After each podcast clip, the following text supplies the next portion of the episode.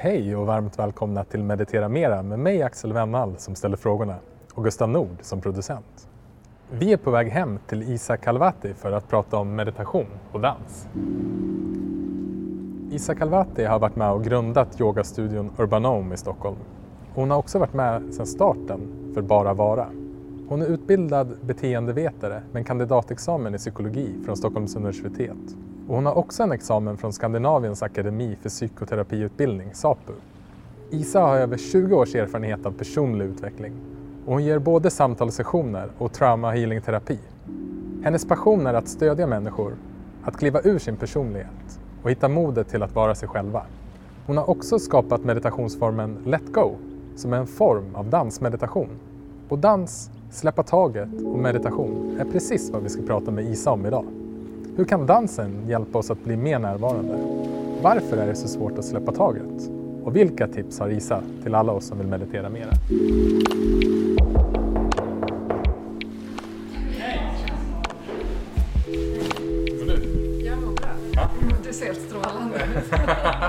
Ja, det är kul att träffas. Ja, kul att vi fick till det. Ja, eller hur? Hej Isa, vad fint att få vara hemma hos dig här idag. Jättemysigt att ha er båda här. Vi eh, sitter i ert eh, vardagsrum här. Eh, Och eh, vi ska prata om meditation och om släppa taget och om dans idag. Ja, det är tanken, Ja. eller hur? Mm. Och vi träffades för första gången på Urbanome som du driver tillsammans med din man Neo. Och eh, det tog mig ett ganska långt tag att, men att våga mig in till det som då var Let Go. En typ av dansmeditation. Men när jag väl gjorde det efter ett par år så blev jag fast. Tog det ett par år? Ja, men det tog mig faktiskt ett par år. Jag, jag vet inte varför, men det var liksom det var, liksom, det var någon typ av let go-meditation där borta. Som jag liksom, jag, det bara, det kom, jag kom aldrig dit. Nej. Men när jag väl kom dit så fastnade jag. Så därför känns det extra kul att få försöka dela med mig av eh, det som har varit min upplevelse och många andra. Och som såklart är din upplevelse. Ja, verkligen. Men innan vi slänger oss in i den världen så kanske vi bara skulle kunna landa här med en meditation. Gärna. Och eh, eftersom vi ska prata också om olika sätt, skickliga sätt att släppa taget på så tänkte jag att vi kunde utforska det i en meditation. Att släppa taget, men i det här fallet att släppa taget om vårt andetag. Så oavsett vart du befinner dig, om du kan sätta dig ner bekvämt så gör det. Och är det så att du gående på språng någonstans så kan du också vara med i den här meditationen. För dig som kan, sluta ögonen om det känns bekvämt så gör det. Och börja bara med att rikta uppmärksamheten mot andetaget.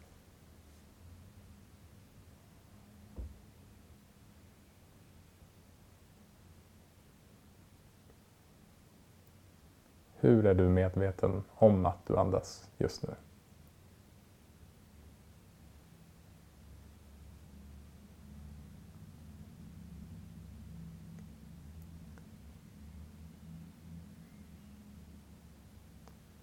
Och med instruktionen att bli medveten eller rikta uppmärksamheten mot andetaget så pekar den instruktionen också att känna andetaget fullt ut.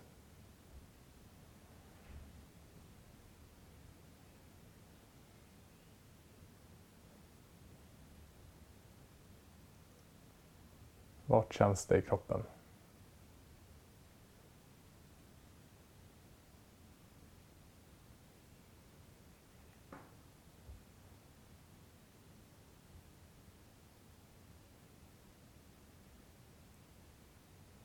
Och när du känner ditt andetag, notera sedan om det finns en del i dig som vill kontrollera andetaget.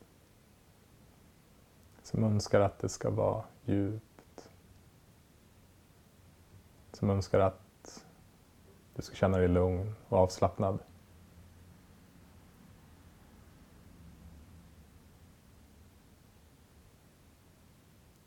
Och se sen om du bara kan stanna upp. Låta allting vara precis som det är och släppa taget om den här delen. Och bara låta andetaget vara precis som det är.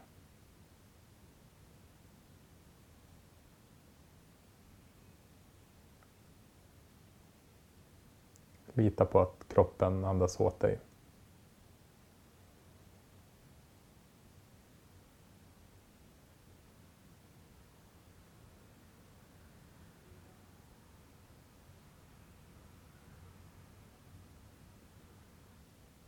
Sen kan du bara vända tillbaka uppmärksamheten igen.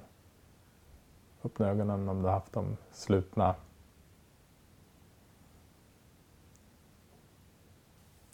Vilken bra guidad meditation. Tack. Tack.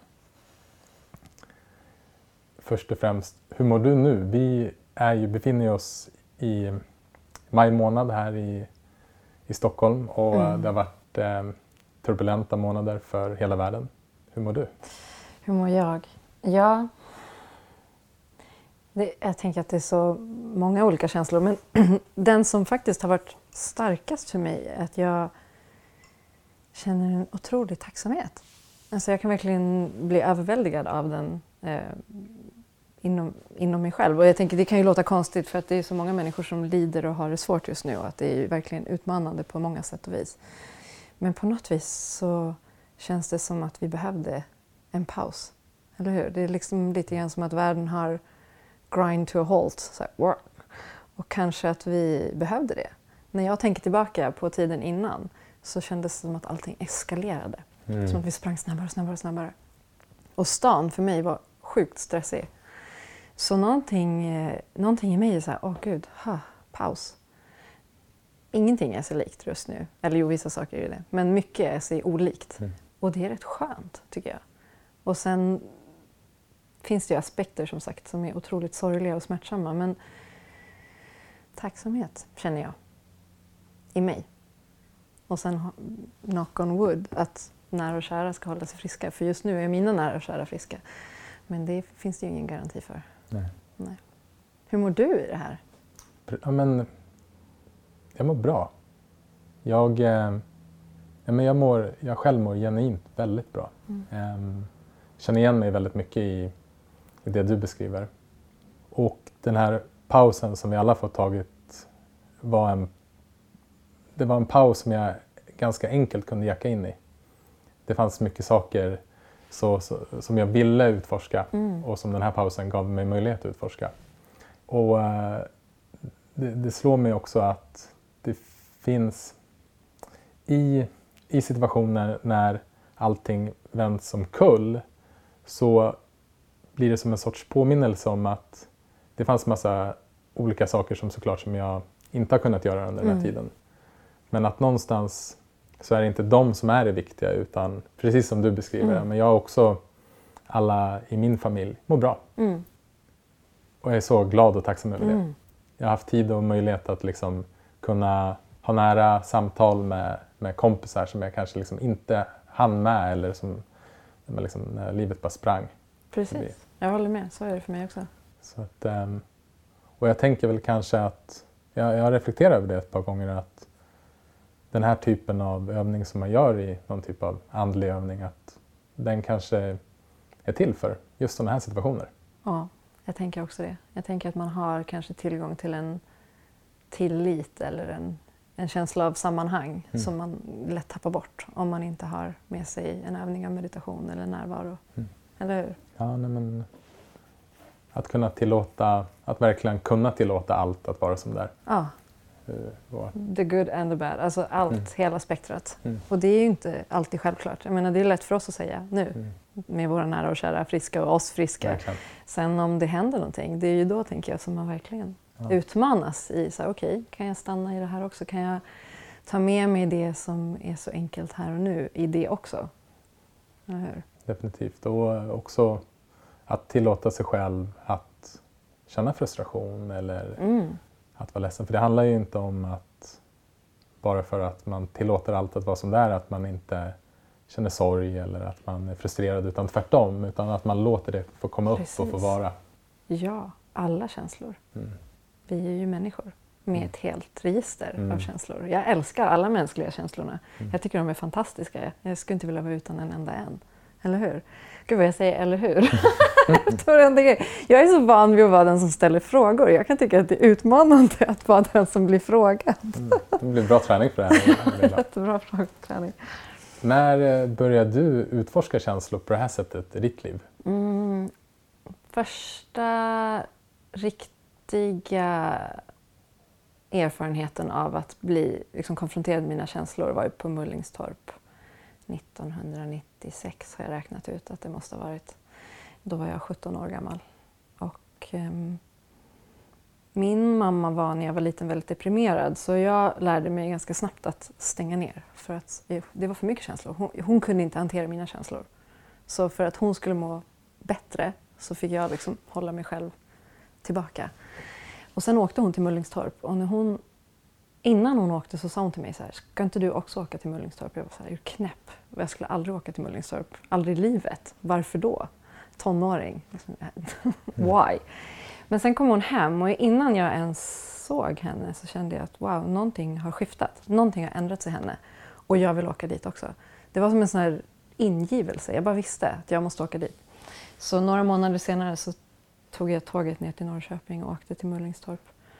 Och det var ju som några andra har beskrivit i er podd, en, jag vet inte vad man ska säga, en överväldigande erfarenhet. Eh, och en, det var som att vrida på en kran av känslor. Jag, jag kunde inte sluta gråta. Jag grät och jag grät och jag grät och jag grät. Och eh, Bengt Stern som drev Mullingstorp var ju en väldigt märklig karaktär och eh, han provocerade och, och var där och liksom, han lämnade ingen i fred. Han skulle ju vända på varenda sten. Och eh, för mig som 17-åring så var jag minns att jag åkte därifrån och kände mig helt hudlös. Men jag kände mig också otroligt lättad. Och det var som att någonting i mig hade bara så här, slitits upp eller exploderat. Och eh, alla känslor kom fram. Mm. Men jag kunde inte prata med någon efteråt. Jag var så här, jag vill inte prata med min mamma, jag vill inte prata med mina kompisar, jag vill inte prata med någon. Jag typ stängde in mig och eh, var egentligen på insidan ganska lycklig för att det var som att jag hade återupptagit en djup inre kontakt med mig själv. Men jag visste inte riktigt hur jag skulle förhålla mig till utsidan från det. För att i min skola var det ju ingen som... Det var ju ingen runt omkring mig som hade någon koll på det här. Så jag hade ju några vänner som var så här, gud vad har du gjort för något konstigt? Och sen hade jag några vänner som var så här, vad har du gjort för jag vill göra det med? Och det var jätteroligt och de vännerna har jag fortfarande kvar. Mm. De som var där och var så här, krafsade. Och det här var då på 90-talet i Rättvik? Ja, Ja. precis. Ganska litet ställe. Mm. Mm. Och jag tänker hur den här integreringen från det som låter som ett, liksom, ett djupt in, ingrepp Mm. i dig själv. Liksom, hur, hur tog du dig vidare därifrån? Och, Ja, jag tänker så här, i efterhand så kan jag tänka att jag nog var lite traumatiserad faktiskt. Eh, Men jag skulle aldrig ha det ogjort. Jag är glad att jag blev traumatiserad Mm. där och då. Därför att det var verkligen som en... Det var, jag brukar tänka på det lite grann som att man gör en snöboll och så släpper man den ner för ett berg och så rullar den. Och det går liksom inte att stanna den där snöbollen för den bara rullar och rullar och blir större och större. Och så kändes det med, med den här öppningen. För jag åkte tillbaka till Mullingstorp och gick deras primal, som är när man går tillbaka i barndomen. Den var typ tio dagar minns jag. Och det var ju helt magnifikt. Ja, det var fantastiskt. Ehm, och jätteomvälvande. Och det var jättesvårt att komma tillbaka till skolan och ha ett år kvar på gymnasiet och tänka att hur ska jag ta mig igenom det här? Jag vet inte hur. Jag tror att jag fortsatte. Jag åkte på fler och fler kurser helt enkelt. Jag kunde inte sluta. Jag, jag gick den, Bengt Stern eh, bad mig komma och assistera och, och Premlena som jobbade där då. Eh, så jag åkte tillbaka och assisterade och jag liksom, vad säger man, involverade mig själv i den världen och då blev den viktigare för mig än min skolgång. Mm. Så jag tog mig igenom gymnasiet och studenten och hela den grejen. Men det var så oviktigt. Det var liksom som att en annan resa hade börjat som var mycket viktigare. Mm. Och jag la mitt fokus där. Ehm, och jag minns då på den tiden fanns det ett Osho Center här i Stockholm. Eh, och de hade också kurser och dit nosade jag mig. Så jag var här och gick några såna här helgkurser. Och jag var helt, det var, jag var så uppfylld av det här. Det var så fantastiskt tyckte jag. Så jag tror att fokus skiftade. Det, det, det andra, det vanliga var inte så viktigt.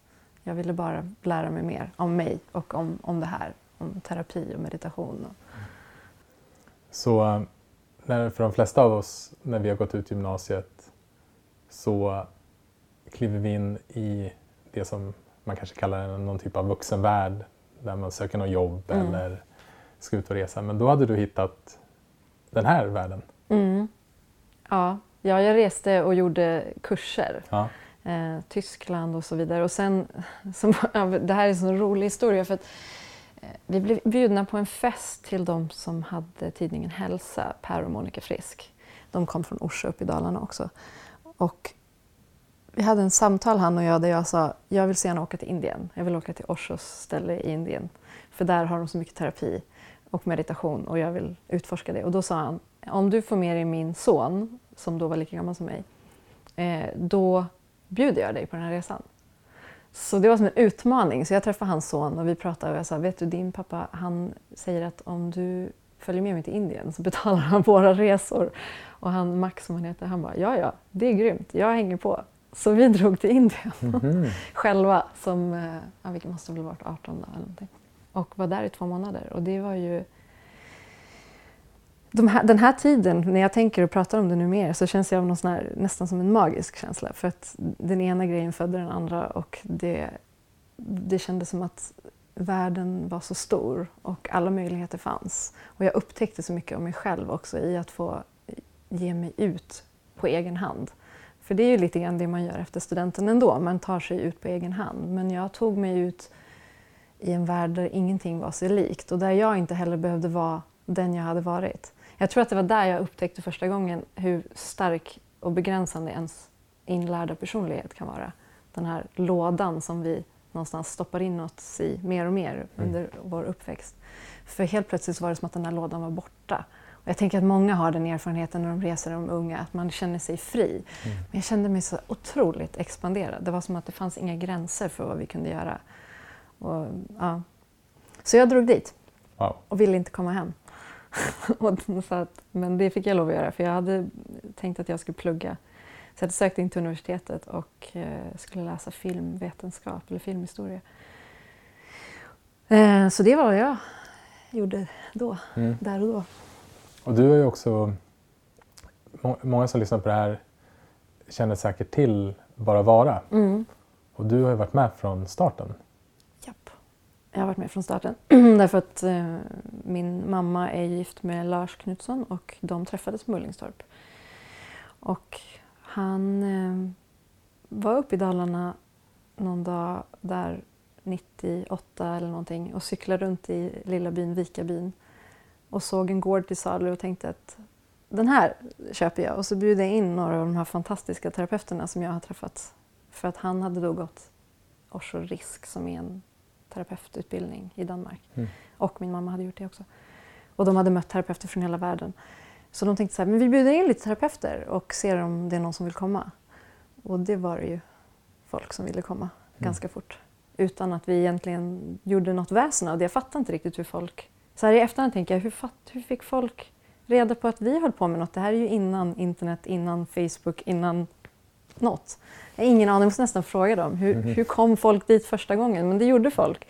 Och sen blev det en jätteefterfrågan. Det var som att det var ett hål i marknaden för människor som inte kanske kände sig så andliga eller flummiga eller liksom sökare som kanske tog sig till andra ställen. Utan mer vanliga människor som hade en längtan efter någonting mer människor som hade ett liv, ett yrke, kanske varit framgångsrika, vanliga typer som ville ha någonting annat i livet.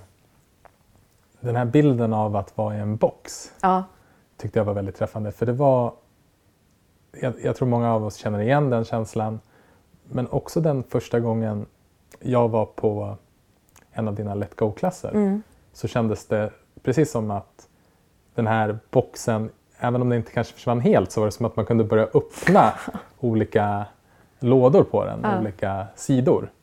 Hur, hur kom du i kontakt med dans som en form för att just mm. spränga boxen? Det är så roligt för att jag har verkligen tänkt på det nu inför det här att vi skulle träffas. Jag tänkte så här, vad, hur börjar alltihopa? Och det var hemma hos Per och Monica Frisk när jag skulle åka till Indien. Det är samma gång. Det, det var en viktig fest. Jag måste tacka dem för den eh, någon gång.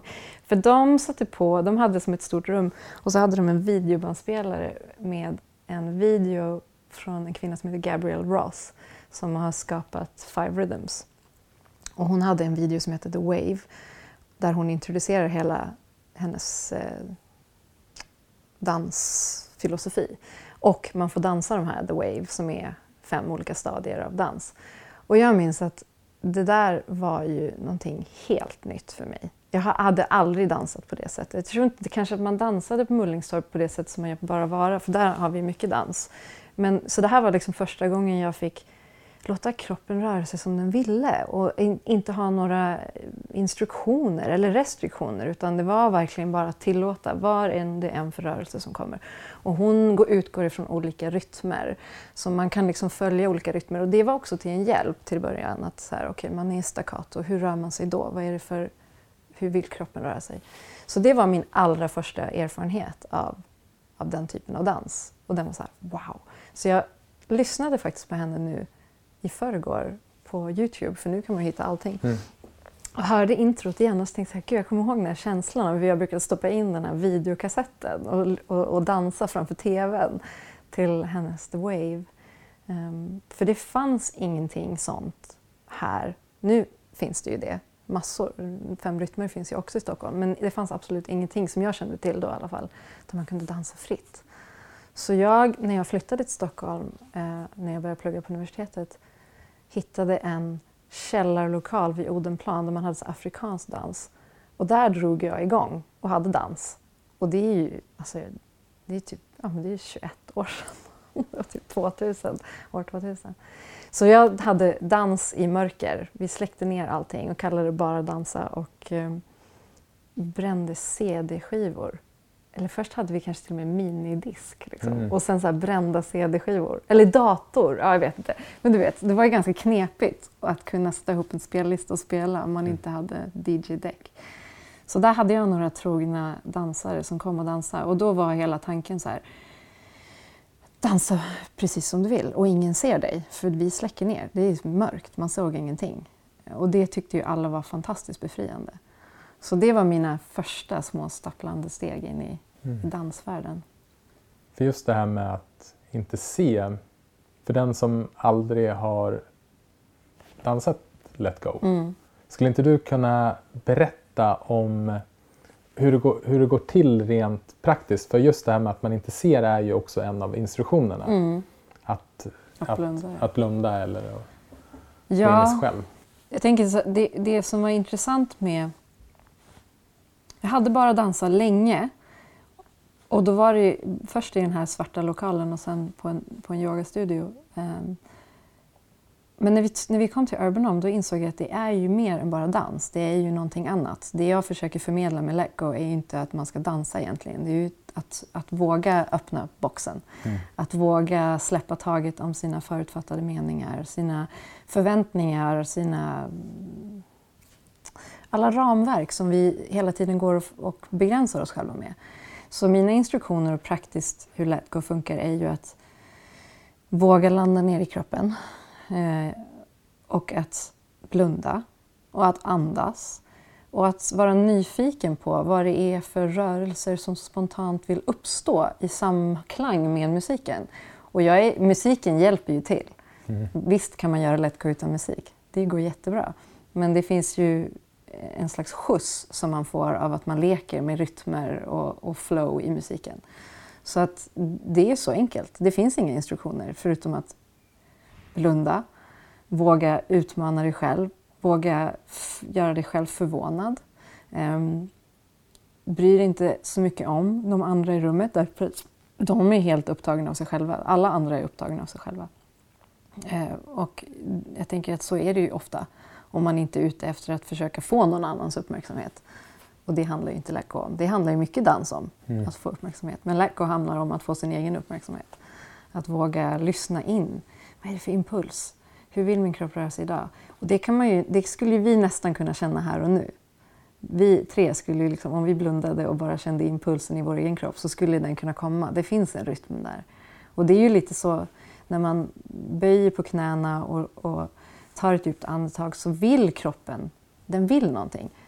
Och jag tänker att det är lite så när man sitter i meditation också, om man är riktigt uppmärksam. Även om man inte tänker att man ska röra sig, så är det ju, det finns ju någon justering. Det finns någonting som händer när man kan hitta ett mer expansivt, mer connectat sätt att vara. Jag tror, eller för mig, jag tänker det finns olika förhållningssätt, men för mig är meditation ingenting rigidt eller strikt, utan jag tror mer på att hitta var kan jag slappna av? Var kan jag luta mig inåt? Var connectar jag? Behöver jag ha någonting att luta mig mot? Fine. Behöver jag ligga på golvet? Jag älskar att ligga på golvet. Mm. Ligg på golvet. Behöver jag känna marken? Känn marken. Alltså, it doesn't matter. Det spelar ingen roll vad vi gör, utan det är ju någonstans hur det känns i mig. Vad hjälper mig att hitta min kontakt?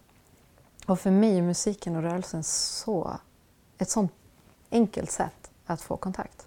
Och jag gissar att det är det för dig också mm. eftersom du gillar Let Go. Ja, men här vill jag, liksom, jag vill parkera vår diskussion här lite grann. Ja. För, det, för det är, när jag hör dig säga, säga det här och nu när jag har varit på Let Go några gånger så liksom bara du rör dig här lite grann i takt med musiken så får jag den här känslan. Men det var inte helt lätt. Nej. Och det som framförallt blev väldigt tydligt för mig när jag kom ner och var med var att det fanns det är väldigt lätt att med hjälp av musiken och med dansens hjälp se vissa mönster i mig själv. Mm. Kontrollbehovet till exempel i olika delar. Dels bara den här aspekten att det var ovant. Det var en ovana. Mm. Jag, jag, tror nästan det är det tydliga sättet. Jag, jag, har inte, jag har inte gjort på det här sättet utan allting, så, så mycket i mitt liv har varit liksom kontrollerat, eftertänksamt. Okej, okay, men hur ska jag göra här? Hur ska det kunna se ut mot den här gentemot den här mm. personen. Mm. Och här var det bara att släppa taget, inte bara på det utan på allt. Ja, precis. Så det är, liksom, det är som att man kan gå i, i olika dimensioner eller liksom olika lager. Man kan skala av lager för lager. Ja. Upptäckte jag. Och just det här hur, hur svårt det är att släppa taget vart väldigt tydligt. Och jag såg det på liksom lite olika delar. Jag, jag fick upp en en sån här stark bild när jag var och dansade en gång var att jag, jag liksom nästan som en minnesresa tillbaka till när jag var liten mm. och gick på skoldisco. Mm. Jag kan tänka mig det. Och jag älskade att gå på de här skoldiskorna för jag älskade att dansa. Men sen är det som att så här, de senaste 20 åren har det bara försvunnit. Mm. Och jag har ingen aning varför. Men framförallt det jag tyckte, just det här med att man går in i sig själv. För, för mig har det också varit väldigt befriande för att jag har en så stark presterare i mig. Och det hade jag när jag var liten också. Jag var, den var så stark så att jag älskade att tävla. Mm. Så då var det ju ofta så danstävlingar. När man, och, och, när jag inte vann då blev jag helt förkrossad. Så då gick jag ut och grät och liksom, folk bara, vad är det? Jag bara, Nej, men jag har ont i min fot för jag kunde inte säga att jag hade förlorat en danstävling. Så, att, men, och, och, så där fanns det också en befrielse. Men jag kunde också se liksom, ibland i mig själv att jag kan komma till, jag kan komma hit och så är det som att det tar stopp. Mm. Mm. Och ett sånt stopp som jag har märkt är att ibland så är energin lägre. Mm. Och för det som hände mig i alla fall var att, att jag, fick, liksom, jag märker att kroppen har mycket energi. Det finns liksom så här, jag, jag vill röra mig kanske snabbt eller liksom, eh, i liksom takt till musiken.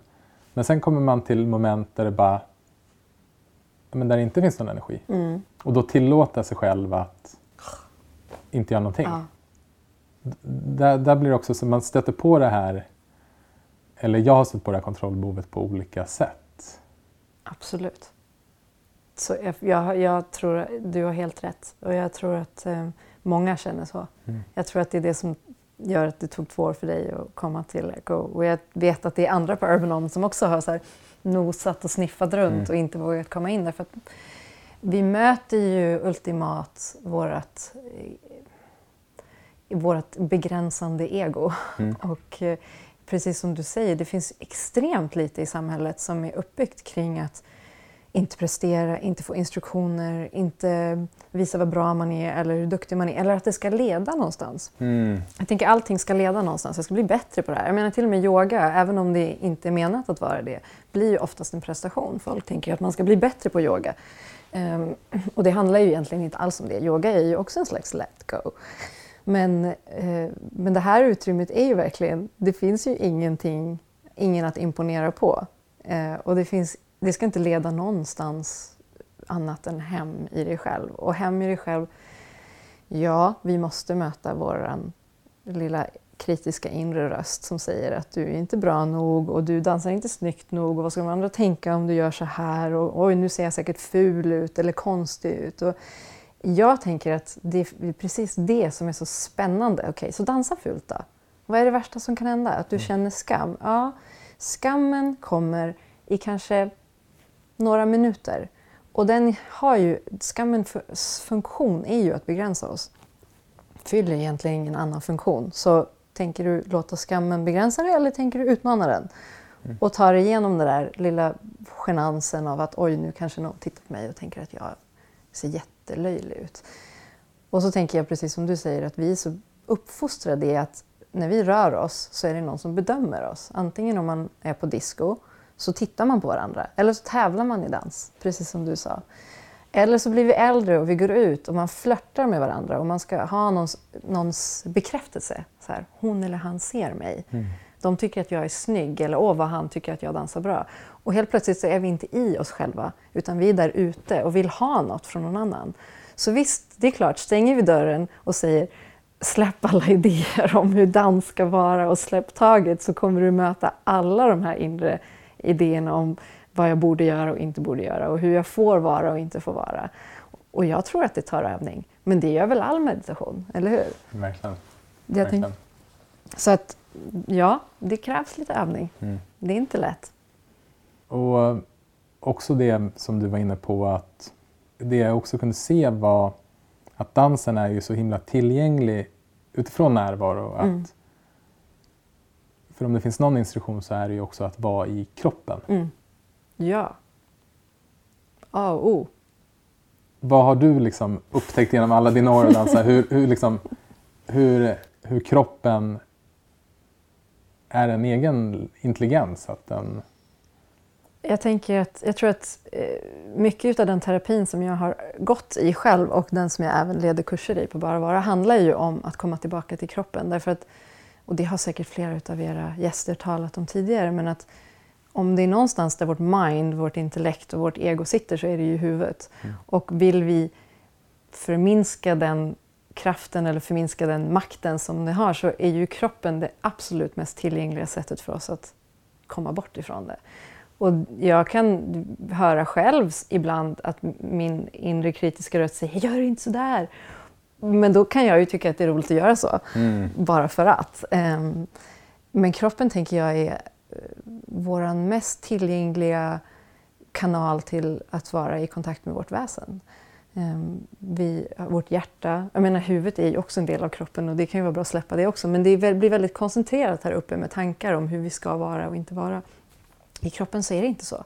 Om vi kommer ner i våra fötter, jag brukar göra en sån här övning med fötter ofta, att fokusera bara på fötterna och gå runt i rummet och se bara dina fötter. Och helt plötsligt, jag lovar dig, jag kan ha 30 pers i ett rum som är jättenervösa och stela och tycker att allting är superobekvämt. När de har gått runt i fem minuter och fokuserat på fötterna, då vill de helt plötsligt börja kontakta andra fötter. Mm. Och helt plötsligt börjar folk le och tycka att det är jätteroligt och skratta och göra konstiga ljud. Och helt plötsligt så utforskar man rummet. Därför att i våra fötter har vi inga idéer om att ja, men nu tycker han att jag är dum eller oj vad ska de tänka nu? Utan våra fötter är ju mer som ett barn de, och kroppen är mer som ett barn om vi tillåter den. Mm.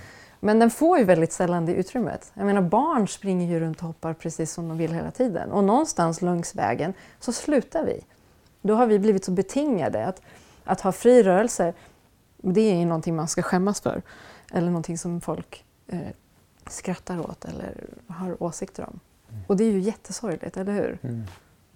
Så att jag tänker att för mig, Let Go, det är för alla som vill komma tillbaka i sin liksom fria spontanitet, där vi också tillåter oss att bli förvånade. Så här, Oj, jaha, ville min kropp springa runt i rummet helt plötsligt? Det hade jag ingen aning om. Och det tänker jag är det härliga med Let Go. Eller det, för mig är det det. Ja, men, eh, verkligen, det kommer ju upp en, en, spontan, en spontanitet som finns där. Det är, eh, hur, hur förklarar man det på bäst sätt? Nej, men att genom att släppa taget om vad som ska hända härnäst så hamnar man i ett tillstånd av förundran. Ja, precis. Jaha, okej, nu, nu, nu var jag här. Ja. Och liksom, helt plötsligt kanske man är någon annanstans i rummet och, Ja, och gör någon rörelse som man inte visste ens om. Att man kunde. Eller så ändras musiken och så är man helt plötsligt i ett annat space. Mm. För det är ju lite som du säger också att eh, vi blir påverkade av musiken och jag har ju mina små knep. Jag tyckte det var lite intressant att lyssna på Gabrielle Ross eh, i en intervju jag inte hade hört förut. För att hon har ju också byggt upp sina klasser på ett visst sätt. Och när jag hörde henne tala så tänkte jag, gud vad intressant, för att jag har också byggt dem på ett liknande sätt. Därför att det finns som en barriär som man måste bryta igenom. Och jag tänker att det finns någonting i att uttråka vårt mind. För att vi är så sugna på snabba kickar och liksom att den här ska få igång mig och den här rytmen, den gillar jag. Men den här gillar jag inte. Och jag brukar köra ganska tråkig eh, musik, kan man kalla det. Eller åtminstone väldigt statiskt i rytmen. För att vårt mind börjar tappa intresset. Det blir lite så här, "Jaha, okej, lull, lull, liksom. bö." Och då börjar kroppen ta vid. Då börjar rytmen ta sig in i kroppen. Och huvudet har liksom gjort något annat. Och sen bygger vi upp det här till någon slags crescendo. Hon kallar det chaos, men för mig handlar det mer om en release. Att vi bygger upp, bygger upp, bygger upp. Det är statiskt, det är inte så roligt. Och sen får kroppen släppa taget. Och det är oftast då folk skriker och, och, i- på Lecco och tycker att det är så här, wow! Och det är ju härligt. Men sen händer för mig det som jag tycker är mer let go. Och det är kanske där du, där du har mött utmaningen. I det här när det blir lite mera... Musiken är inte det som driver längre. Den är där. Men det är något annat i kroppen som börjar ta över. Och jag vet Gabrielle Roth kallar det lyrical, alltså nästan som någonting poetiskt. Och för mig, när let go blev let go, så var det när jag insåg att att släppa taget handlar ju om att surrender. Och surrender är för mig prayer. Alltså det är en bön.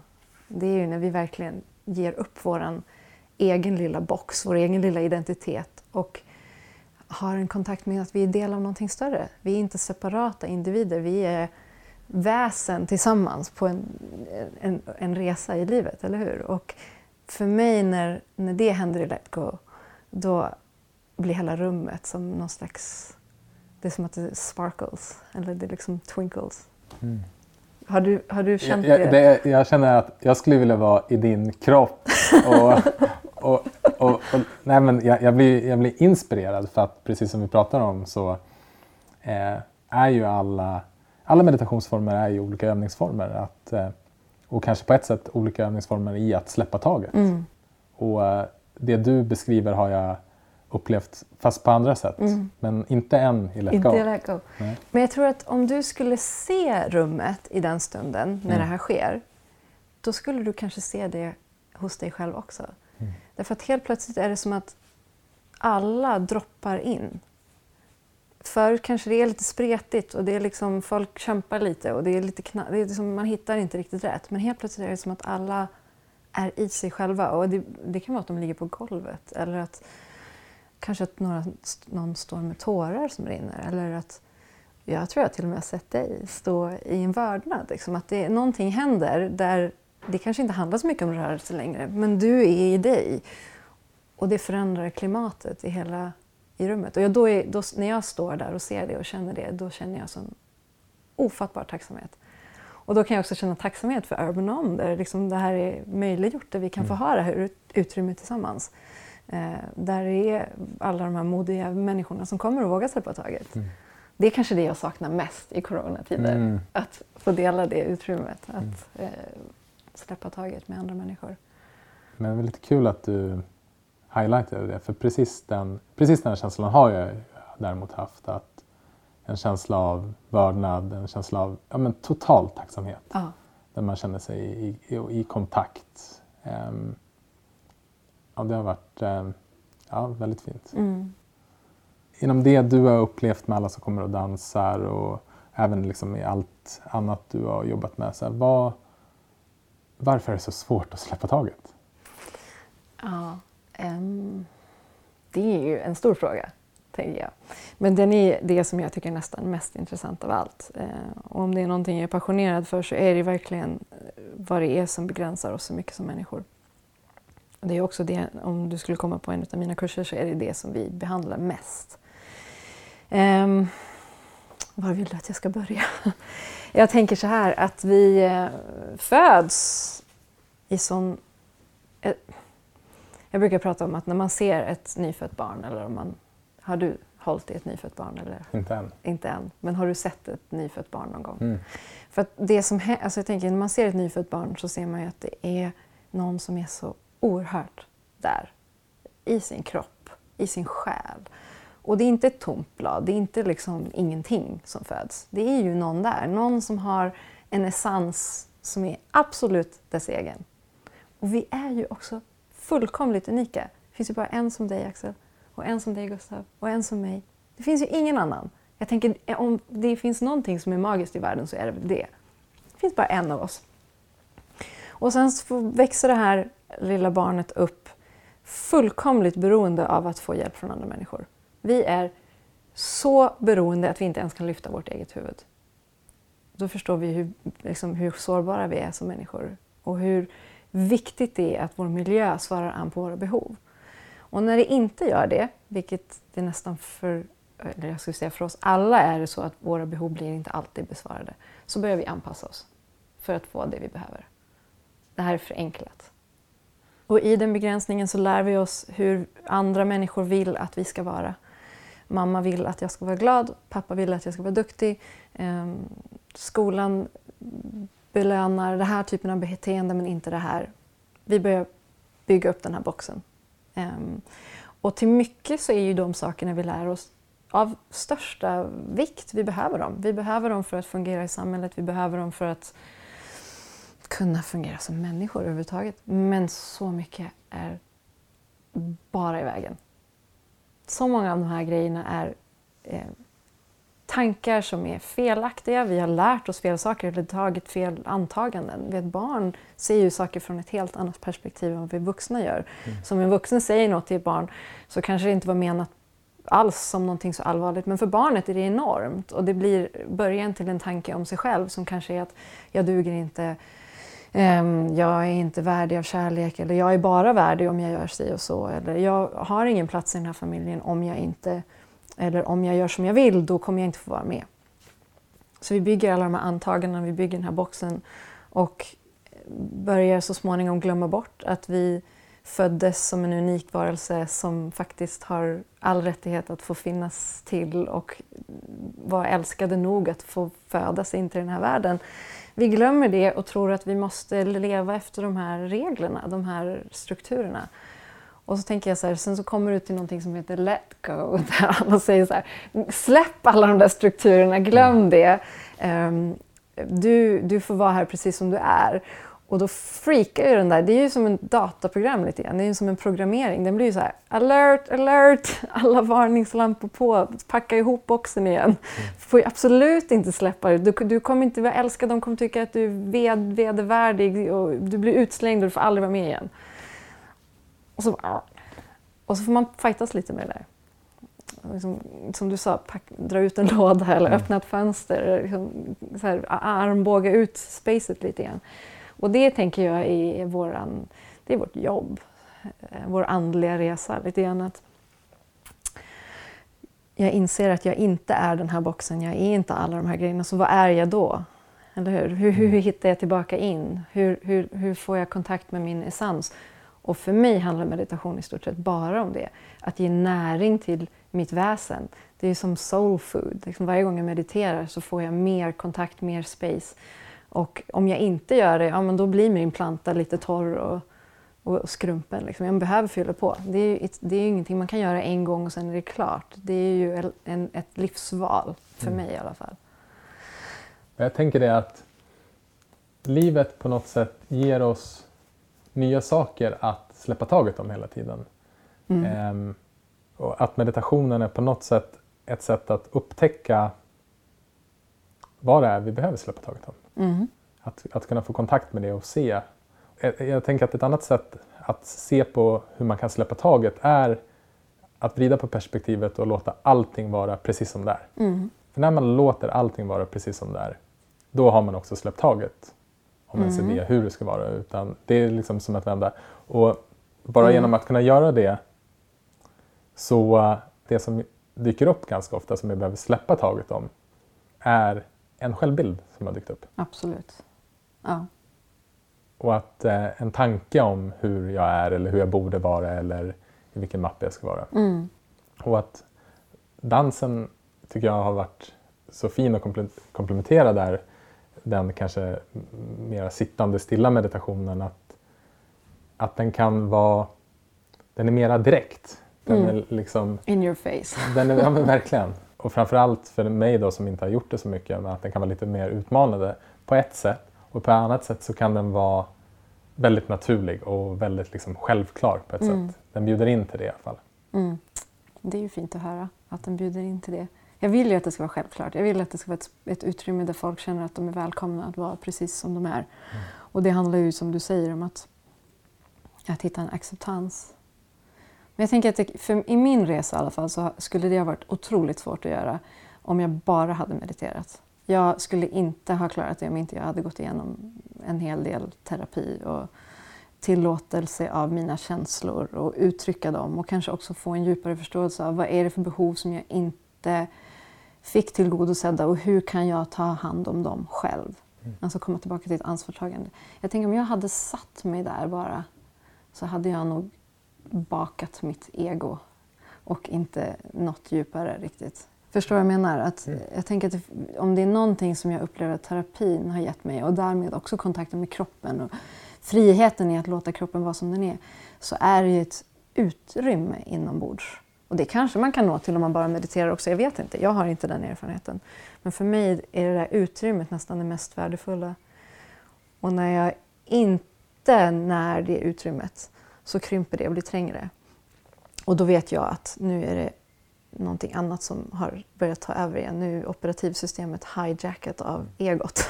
och det är ingen skön känsla. Kan du känna dig trängd inombords när, när ditt ego tar över eller när du känner de där begränsningarna?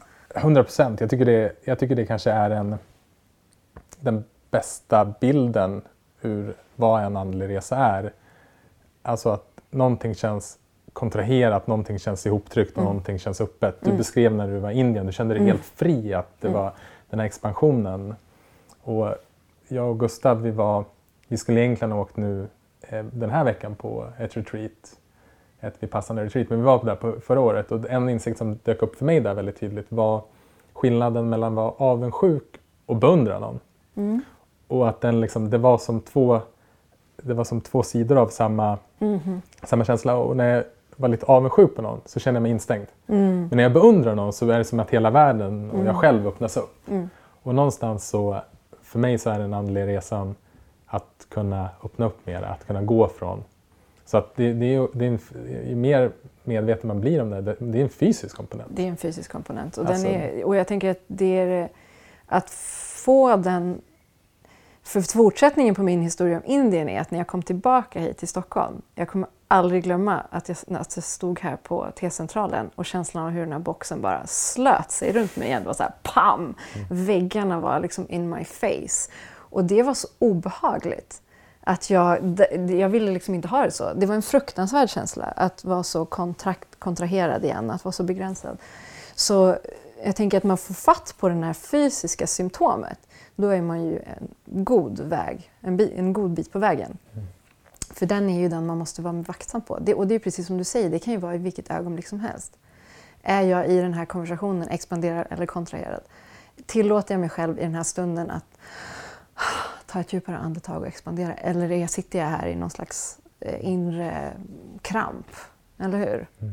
Det slog mig nu när du pratade om när vi andas ut. När vi andas ut är ju ett sätt att Släppa taget. släppa taget. Det är den fysiska komponenten av det Ja. på ett sätt. En annan sak som jag är lite nyfiken på. Du pratade också om det här med att få utlopp för sina känslor. Mm.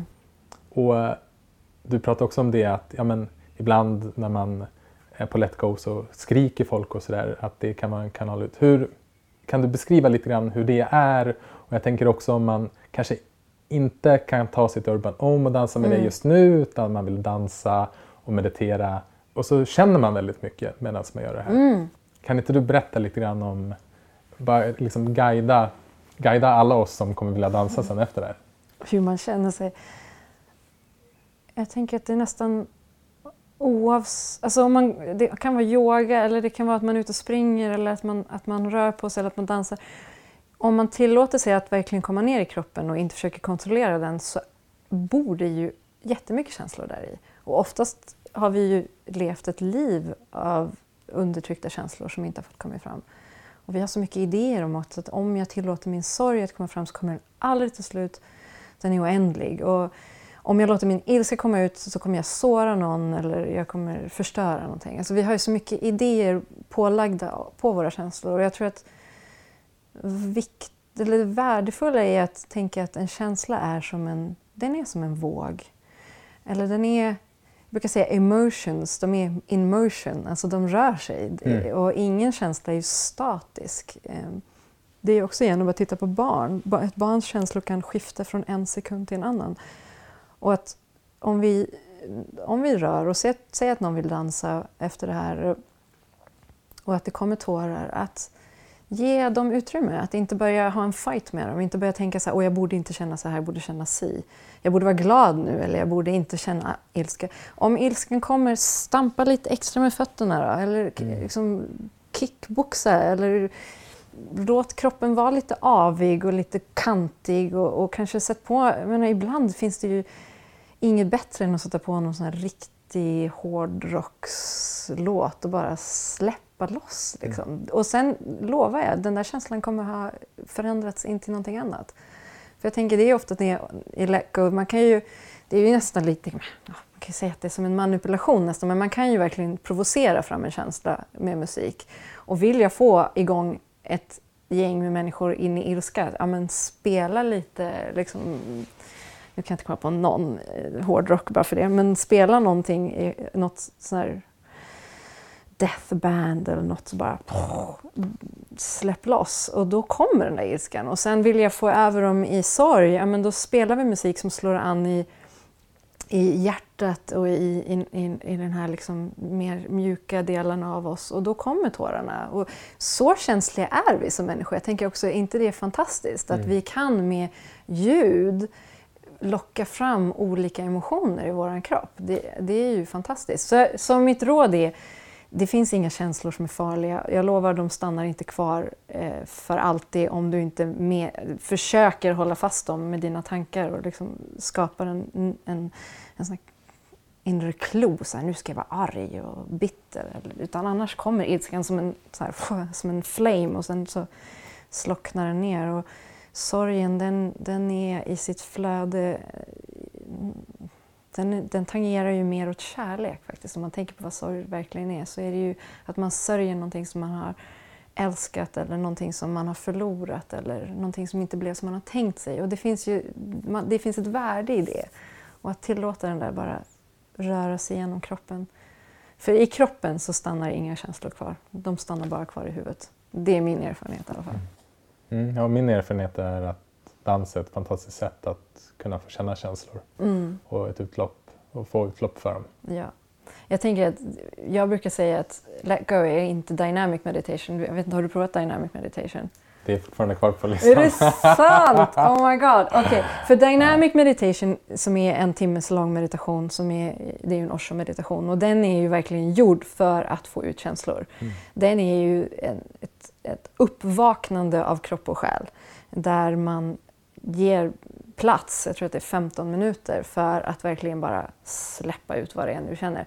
Let go är inte till för det. Sen kan känslor få komma upp och jag skulle aldrig säga att du inte får uttrycka dina känslor let go, men det är inte en dynamic där man kan slå med en kudde och, och liksom skrika sitt hjärtats smärta ut. Liksom. Mm. Sen tillåter jag vad det än är för uttryck som vill komma.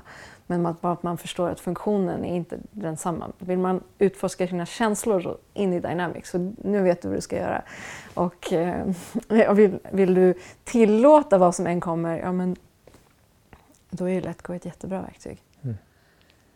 Om du skulle göra en tidsresa tillbaka till tiden innan du hade åkt till Möllingstorp ja. och innan du hade gett, in, gett dig in på den här resan, vilket tips hade du haft till dig själv då? Innan jag gjorde allt det här. Ja. Vilket tips jag hade haft. Ja, om du fick en tidsresa, om du fick ta härifrån, vad hade du, vad hade du sagt till dig själv?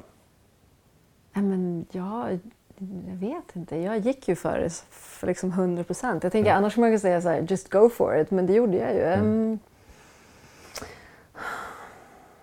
Jag kanske inte var... Jag kan tänka som, som tonåring, man ändå, jag var ändå så bekymrad över vad andra människor tycker och tänker. Jag tror att man är som tonåring man är så himla känslig. Man, hela ens psyke, liksom, eller ens, man formateras verkligen i den här personlighetsstrukturen i, i tonåren. Den, blir liksom mer, den får en tydligare form och struktur.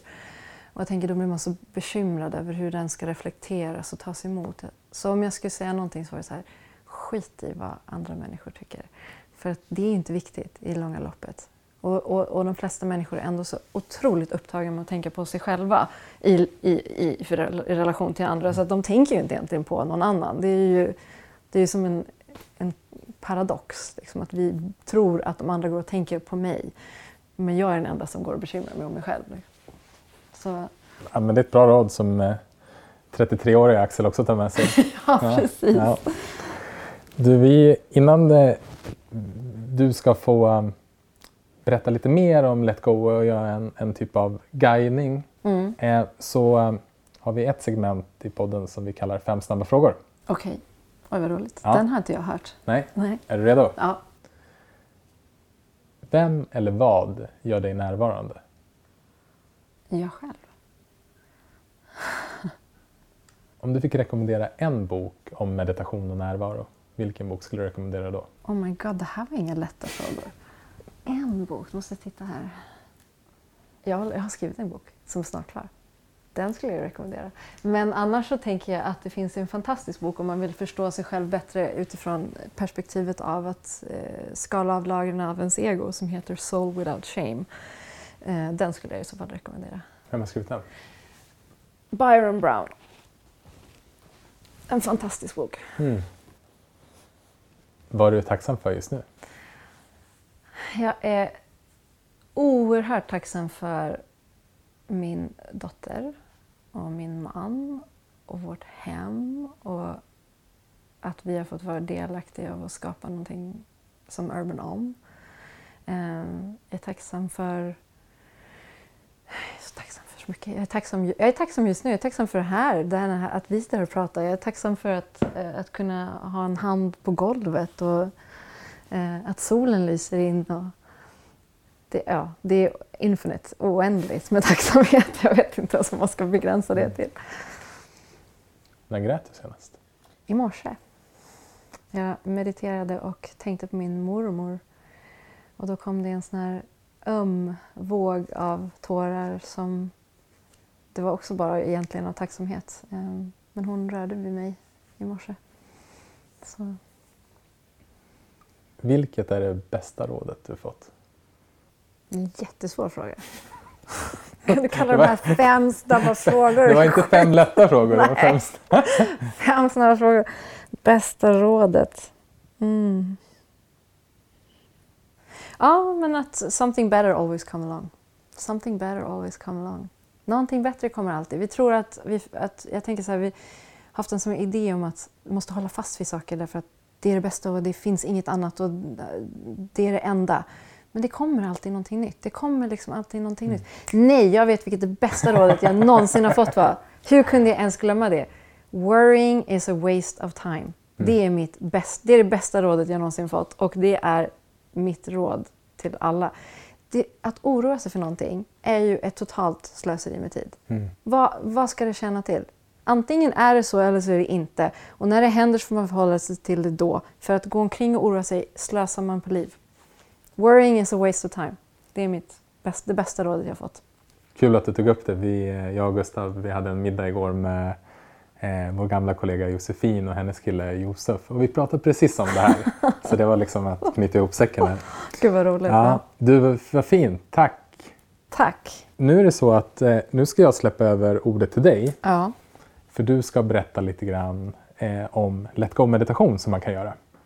Och, Ja. och det här kommer ju då vara en annan typ av instruktion. För i vanliga fall så brukar vi ju göra en, eller rättare sagt att gästen guidar en meditation Mm. som man kan då spela upp och göra här. Men i det här fallet så kommer du också, kommer vi också lägga upp en spellista Ja. som du har gjort.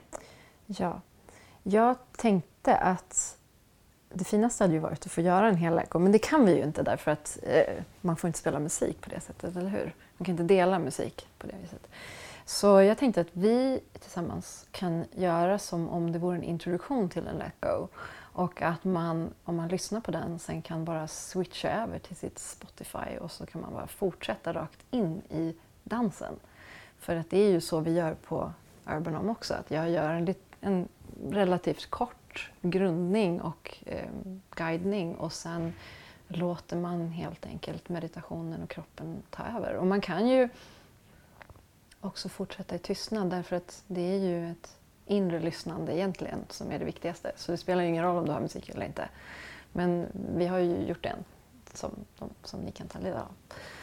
Och sen tänker jag en sak som jag tycker är viktigt med Let Go är att släppa alla preferenser. Alltså vi har så mycket idéer om vad vi tycker om och inte tycker om. Och att i, när det kommer till musik till exempel att jag gillar det här men inte det där och den här låten tycker jag är bra men den där är dålig. Alla de där grejerna kommer ju från huvudet. Kroppen bryr sig inte så mycket om vad det är för musik. Den kan ju röra sig till vad som helst.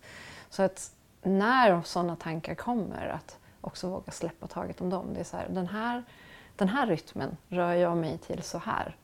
Eller så rör jag mig inte alls. Eller så blir jag frustrerad och så låter jag det komma fram. Alltså mm. att svara an istället för att begränsa sig själv med att nej, den här låten vill jag inte dansa till.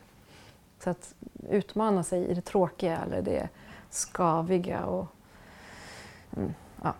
och vill du pausa nu för att eh, hitta playlisten som du hittar som en länk i det här avsnittet eller på vår hemsida breedin.se så är det perfekt tillfälle att göra det nu. Jag tänker att en av de bästa grejerna för att bjuda in till meditation eller let go eller vad nu, man än nu tänker göra är ett, ett, ett djupt andetag med en suck. För att i sucken så släpper vi taget på utandningen och annars är det så lätt att kontrollera den. Så jag tänker att vi tar ett suckandetag till. så här.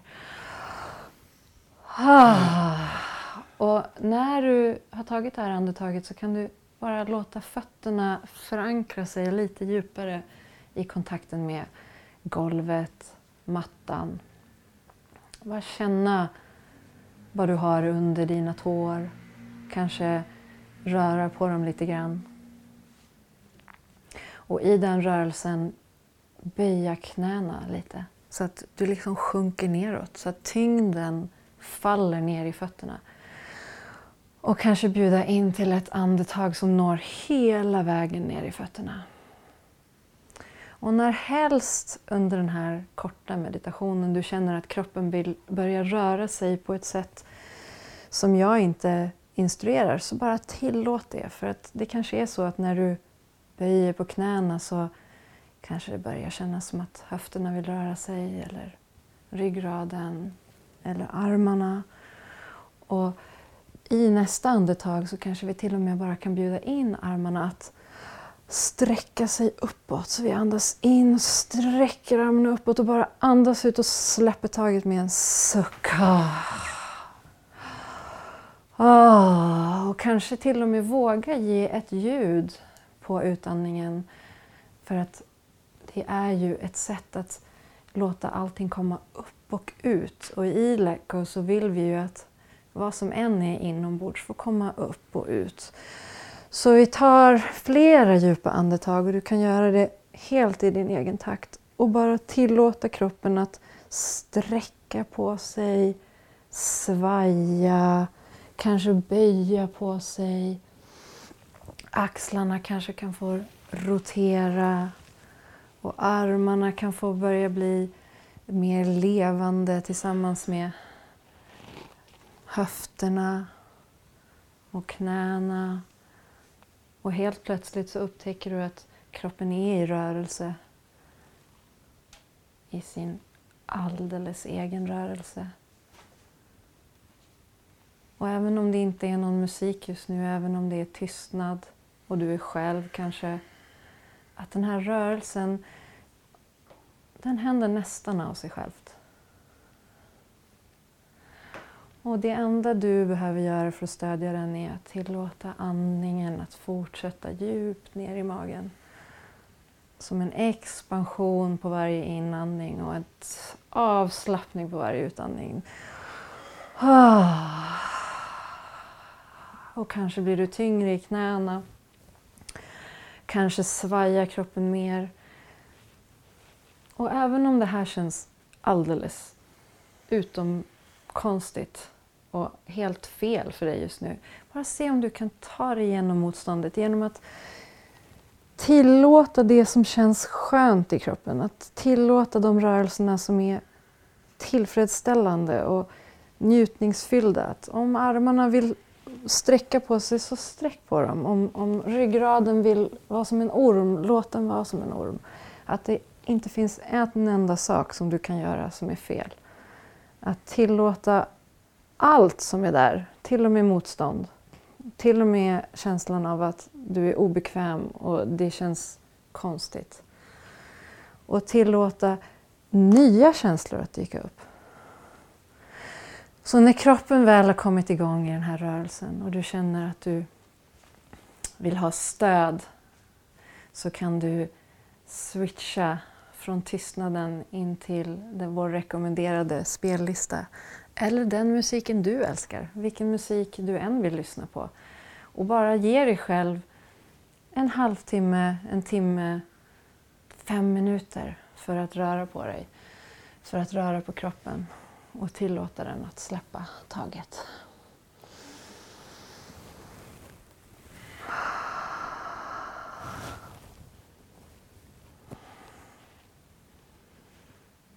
Så Axel och Gustav, när ni känner er redo så kan ni komma tillbaka in i rummet. Då vill man ju bara dansa, eller hur? Ja, verkligen. Ja, vi, vi, vi, från att suttit på golvet så står vi upp här nu. Ja. Så att vi har gjort hela resan. gjort hela resan, ja precis. Du, innan vi eh, ska säga tack och hejdå för idag Mm så eh, jag och Gustav är lite nyfikna på om du skulle vilja höra någon gäst i Meditera Mera. Jag satt och tänkte på det faktiskt. Eh, att, eh, ja, men jag har två personer som jag tycker personligen är inspirerande och intressanta. Och en är, eh, eller båda är vänner till mig, men som jag tror, det hade, jag tyckte det vore spännande att höra. En är Anna Lovin som har skrivit boken The Creative Doer.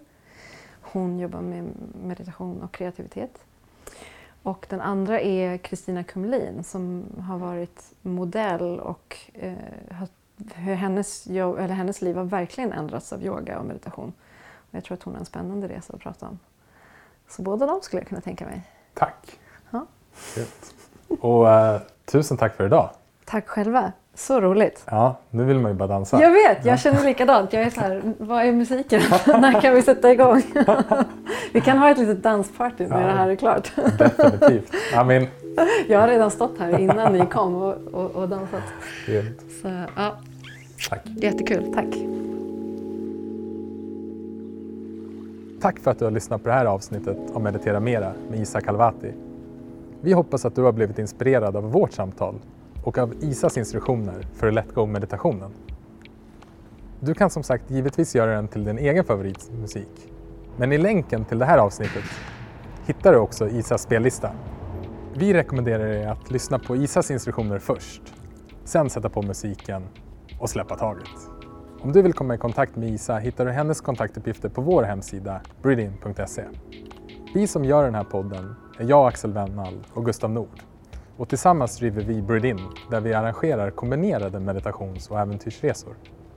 Efter att få ställa in två retreats under våren tar vi nu sikte på att köra igång igen efter sommaren för alla oss som längtar efter att åka på retreats. Helgen den 28-30 augusti kommer vi ha 48 timmar av närvaro på Björnbacka gård som ligger cirka 40 minuter söder om Stockholm. Vi inleder helgen efter jobbet på fredagen och under helgen kommer vi att meditera, vi kommer att vandra i Vinterskogens naturreservat, vi kommer skogsbada och vem vet, kanske blir det ett dopp i sjön Uttran. Du behöver inte vara en expert på meditation för att kunna hänga med, tvärtom. Om du är nyfiken på att lära dig mera och utforska närvaro är det här helgen för dig. Vi kommer givetvis att följa Folkhälsomyndigheternas instruktioner och rekommendationer för att se efter alla deltagares hälsa, likväl som alla riskgruppers. Du kan läsa mer och boka på vår hemsida breedin.se. Och är det någonting vi har tagit med oss från vårt samtal med Isa är det att worrying is a waste of time.